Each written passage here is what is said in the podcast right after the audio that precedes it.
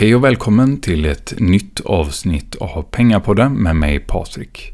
Där jag idag ska prata om fastigheter, vilket jag tycker är ett superintressant ämne. Och jag hoppas att även du ska tycka om det. Jag skulle bli jätteglad om du ville dela den här podcasten i sociala medier eller tipsa dina vänner och nära och kära om den här podden. Så ännu fler får chansen att lyssna på Pengapodden. Men nu kör vi igång avsnittet.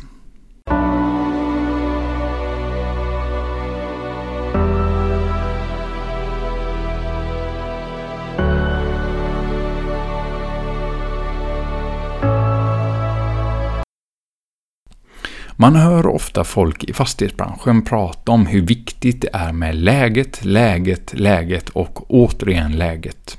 Och det stämmer också till viss del tycker jag. Vad gäller fastigheter beroende på vilken inriktning fastighetsbolaget har. Vad gäller kontor eller butiker så vill man gärna ha ett centralt läge. Och då är oftast prislappen för den här fastigheten betydligt högre, men även risken för vakanser betydligt lägre. Däremot bostäder så vill säkerligen många bo centralt och där är också priserna betydligt mycket högre än utanför stora eller medelstora städer. Sanningen är den att det är en stor bostadsbrist idag. Det byggs alldeles för lite bostäder, vilket gör att vi har ett underskott på bostäder. Räntorna är väldigt låga, vilket gör att priserna stiger. Det handlar mycket om utbud och efterfrågan och att tillgången till kapital är väldigt lättillgängligt på ett sätt. Avkastningskraven på fastigheter har i de flesta fall sjunkit. För ett antal år sedan så var direktavkastningen säkert uppe på 8-12% även i lite större städer. Nu i storstäderna kan fastigheter ligga på en direktavkastning på kanske 2-3% beroende på i vilken stad vi pratar om. Och I mindre städer kan du säkerligen hitta fastigheter i lite sämre lägen som ligger på cirka 8-10% i direktavkastning. Men då har du lite andra risker att tänka på, såsom vakanser, att det inte finns så många arbetstillfällen på den här orten och folk blir tvungna att flytta därifrån. Att banken kanske kräver att du ska gå in med ett större Eh, belopp, alltså insats själv och så vidare. Så det är många faktorer man behöver tänka på där. Och att köpa en hyresfastighet kräver oftast en större mängd kapital. Att köpa en aktie eller fond kräver ingen större insats egentligen, utan det kan räcka med några hundra kronor. Det gör att fastigheter är lite mer svåröverkomligt för många. Men det finns sätt även för dig som Eh, vill börja komma igång på med fastigheter. Då.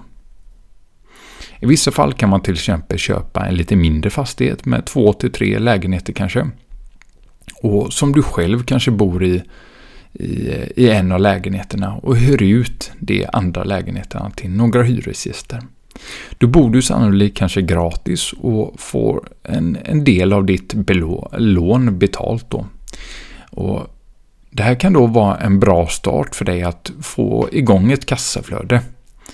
Då vår största kostnad oftast är fördelad på boendet, då är det perfekt om du kan bo gratis och få delar av ditt lån betalt varje månad genom att du hyr ut till de andra två hyresgästerna i den här lilla hyresfastigheten. Och för dig som har lite mer pengar kan en liten större hyresfastighet eh, kanske vara något att snegla vidare på. Med kanske 5-10 lägenheter. Vanligtvis vill banken att du går in med 25-30% egen insats och sedan finansierar banken resten med lån. Fastigheter är intressant för att du kan delvis då låna eh, så mycket pengar hos banken. Alltså, du behöver gå in med kanske 25% själv, men då lånar du 70-75% av banken. Och du kan ju inte då gå och låna 70-75% av ditt egna kapital och köpa aktier på, på samma sätt. Och Det är därför fastigheter är så intressant. Att du kan köpa en tillgång med till viss del andras pengar. I det här fallet då en stor del eh, av bankens pengar då som du finansierar den här affären. Och när du då sedan tar över fastigheten så får du direkt ett kassaflöde varje månad i form av hyresintäkter du kan även öka värdet på fastigheten genom ett aktivt eh, att aktivt då genomföra olika saker i fastigheten. Du kan arbeta med att öka intäkterna och försöka kapa utgifterna utan att försöka då tumma på kvaliteten. Och Det du vill göra det är att leta efter Alltså det du vill leta efter i en fastighet är ofta en kanske potential. Det skulle kunna vara att en lägenhet är outhyrd. Du kanske är lite händig och kan renovera lägenheten själv för att spara in en del pengar. Och sedan hyra ut den här för en högre hyra än den hade tidigare. Då har du sannolikt ökat kassaflödet och även sannolikt då värdet på fastigheten. Eh, uppvärmningskostnaderna kanske är väldigt höga och då kan det vara bra att kanske byta ut ett gammalt och ineffektivt värmesystem. Och som gör då att du kan byta ut det här mot något som är kanske lite mer effektivt som eh, till exempel bergvärme eller luftvattenvärmepump och sänka dessa värmekostnader då. Och Det kanske finns en väldigt stor lägenhet i fastigheten som kanske kan delas in till två lite mindre lägenheter. Och därav kanske höja hyran mer än om detta skulle vara en enda lägenhet. Då kanske, det kanske finns en vind där du eventuellt kan bygga nya lägenheter. Och det finns enormt många möjligheter och det gäller för dig då att hitta dessa möjligheter. Jag tänker dra ett lite mer konkret exempel så du kan förstå hur saker och ting eh, hänger ihop lite förenklat. I många eh, fall då värderas fastigheter självklart utifrån läget, skicket, men mycket värderas fastigheten efter kassaflöden eller avkastningskravet. Vi säger att fastigheten kostar som ett exempel 5 miljoner kronor. Då har du kanske då hyresintäkter varje månad från dina hyresgäster som, låt säga då att du har fem lägenheter och varje lägenhet inbringar 5 000 kronor i månaden. Det blir då 25 000 kronor i månaden och 300 000 på ett år i hyresintäkter som dina hyresgäster betalar till dig. Låt säga att varje lägenhet i genomsnitt är på 50 kvadrat och det är som sagt då totalt fem lägenheter. Då blir den totala uthyrningsbara delen 250 kvadrat. Vad gäller drift och underhållskostnader brukar banken räkna på ett schablon kring kanske då drygt 420 kronor per kvadratmeter i eh, kostnader då. Och då tar vi det här schablonet då 420 kronor per kvadratmeter i kostnader. Eh, till exempel då värmekostnader, vatten Eh, och, och så vidare och så vidare och underhållskostnader för att laga saker som kanske går sönder och så, och så vidare. Och då var den här fastigheten på 250 kvadrat. Så vi tar då 420 kronor per kvadratmeter gånger 250. Och det blir då 105 000 i kostnader för drift och underhåll. Och då har vi faktiskt ett driftnetto som är på 195 000. Alltså då tar vi hyresintäkterna Eh, minus drift och underhållskostnaderna. Och då har vi då 195 000 kvar på ett år. Och då ska en del av detta gå till ränta och amortering. Och amortering som i sig kanske inte är en kostnad, för du betalar ju faktiskt av ditt lån via amortering. Men det ska ändå betalas. Eh, om fastigheten kostar då, som jag sa tidigare, 5 miljoner, så behöver du gå in med, låt säga 25% i egen insats, vilket blir 1 1 250 000. Och det är självklart väldigt mycket pengar. Och då är det 3 750 000 som du behöver betala ränta och amortering på. Så låt säga då att du betalar eh, i snitt, och vi säger bara som ett exempel, 1,5% ränta på 3 750 000 och det är då eh, 56 250 ja, kronor då i ränta före eventuella ränteavdrag. Vilket gör att ditt kassaflöde hamnar på 195 000 minus 56 250 kronor. Som blir 138 750 per år efter kostnader och räntor. Sedan säger vi då att du behöver amortera av 1% per år på de här 3 750 000. Då blir det 37 500 kronor i amortering per år. Och då blir det då Eh, 138 750 minus 37 500 amortering. Vilket blir totalt då 101 250 kronor per år i rent kassaflöde efter allt det draget. Och då betalar du dessutom av 1% på lånet varje år. Och för att räkna ut då en fastighets direktavkastning så har vi då räknat ut driftnettot som i det här fallet då var 195 000 och så delar vi det med fastighetens pris på 5 miljoner. Och då kommer vi fram till att den här fastigheten ger en direktavkastning på 3,9 Men låt säga då att du lyckas att installera ett nytt värmesystem som är mycket mer effektivt och som i sig kanske kostar 120 000 kronor och du installerar då, vi, låt säga bara en luft-vattenvärmepump, säger vi som ett exempel bara. Så gör att du sänker dina drift och underhållskostnader från 420 kronor per kvadratmeter till låt säga 300 kronor per kvadratmeter. Eh, för du kanske har installerat också eh, snålspolande eh, vattenkranar och, så vidare och så vidare. Så minskar kostnaderna. Du kanske har omförhandlat försäkringar och så vidare. Och då säger vi då att du har minskat kostnaden då initialt, eh, alltså ökat driftnettot med 120 kronor per kvadratmeter när du har gjort alla de här åtgärderna. Och tar vi då sedan de här 120 kronor per kvadratmeter som du då kan man säga har sparat genom att investera i din fastighet. Så vi tar då 120 kronor per kvadratmeter gånger 250 kvadratmeter som var uthyrningsbar yta så får vi fram att du sparar 3 eller 30 000 per år på eh, den här investeringen då i det här nya värmesystemet. Och det innebär att investeringskostnaden för att installera detta värmesystem har då en avbetalningstid på fyra år. Men inte nog med det. Din direktavkastning är fortfarande då 3,9% säger vi. Det är det som du har som avkastningskrav i just den här staden kanske.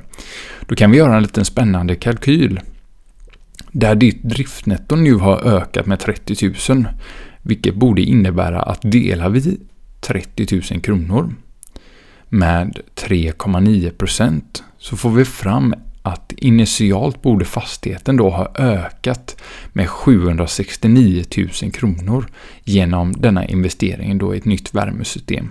Och med tanke på att kassaflödet förbättrades med eh, 30 000 kronor och med samma avkastningskrav på 3,9% så ökade då värdet på fastigheten initialt med dessa 769 000 kronor. Låt säga då att vi tar ett nästa steg att det Låt säga då att vi renoverar en lägenhet i fastigheten när en hyresgäst flyttar ut. Den ursprungliga hyran ligger på 5 000 kronor i månaden det vill säga att du renoverar denna lägenheten då själv eller tillsammans med en kompis eller liknande för att spara pengar. Och ni båda är kanske duktiga och händiga. Vilket gör att ni sparar mycket pengar på den här renoveringen. Och efter renoveringen säger vi som ett exempel att hyran ligger på 8000 kronor per månad istället för 5000 kronor. Det innebär att du ökar dina intäkter med 3000 kronor per månad och det blir då 36 000 på ett år. Om vi omsätter det här i pengar med en kalkyl så räknar vi med 36 000 kronor för vi har fått de här pengarna genom hyresintäkter. Så tar vi de här 36 000 kronor delat med 3,9% som är vårt avkastningskrav. Eh, och det innebär då att värdeökningen till följd av detta borde då vara 923 000 kronor. Så sammanlagt då har våra aktiva val och investeringar i både nytt värmesystem och renoveringar totalt gjort att initialt borde värdet ha ökat med 769 000 för värmesystemet och 923 000 för renoveringarna eh, till följd av en höjd hyra. Totalt då har värdet ökat med 1 692 000 kronor. Nu säger vi då, nu är det, det här lite förenklat då, men nu, nu går vi till banken och, och, så visar vi upp hur bra vi sköter om den här fastigheten och visar eh, de här fantastiska siffrorna som har gjort att värdet på fastigheten borde då ha ökat rejält i värde. Banken tycker att du har gjort ett bra jobb och du får lov då att belåna det här övervärdet på fastigheten med 75%. Det innebär att 75% av 1 692 000 är då 1 269 000 kronor. Vilket innebär att du rent konkret kan köpa en till fastighet som du kanske redan har då, alltså lika stor och, och så vidare. Eh, att du kan köpa den här fastigheten för 5 miljoner och din insats i den här fastigheten är den del av övervärdet som din andra fastighet har, som banken då lånar ut till dig. Och genom de här aktiva valen och investeringar i din fastighet har du ökat värdet och gjort att du kan köpa nästa fastighet genom att du belånar ditt övervärde i din första fastighet. Så nu har du fått lära dig väldigt mycket från din första fastighet som du kanske kan ta med dig då till din andra fastighet. Och du kanske kan fortsätta skapa värde på, på olika sätt och senare kanske du kan köpa en tredje, fjärde och kanske femte fastighet på det här sättet. Och helt plötsligt är du uppe på ett kassaflöde på många hundratusen per år och du kan i princip då leva på fastigheterna och fortsätta skapa värde och förvalta dessa fastigheter eller investera i nya. För taktar du låt säga 600 000 till 800 000 varje år i kassaflöde så kan du bara genom kassaflöde köpa en fastighet varannat år enbart med ditt kassaflöde i storleksordningen som jag gav ett exempel på ovan här. Eller så kan du välja att amortera ner om du är nöjd med det antalet fastigheter du har. Eller att du investerar det här kassaflödet du får från alla fastigheter och investerar det i dina befintliga fastigheter för att få dem att öka mer i värde. Så fastigheter är definitivt en intressant tillgång, men det krävs som sagt en del kapital. Alternativt kan du investera i fastighetsbolag på börsen och då får du en del exponering mot denna intressanta bransch. Men jag tycker framförallt att det är intressant att investera direkt i en fastighet. Men jag förstår att det är väldigt mycket pengar att, lägga ut. Så det var faktiskt allt för det här avsnittet om fastigheter. Jag vill tacka dig för att du lyssnar på Pengapodden och det uppskattar jag verkligen. Jag skulle som sagt då bli jätteglad om du ville dela den här podcasten i sociala medier eller tipsa dina vänner och nära och kära om den här podcasten så ännu fler får chansen att lyssna på Pengapodden. Vill du komma i kontakt med mig så mejla mig gärna på kontakt.pengarpodden.se eller skriv till Pengapodden på Instagram. Tack för mig, ha det så bra nu.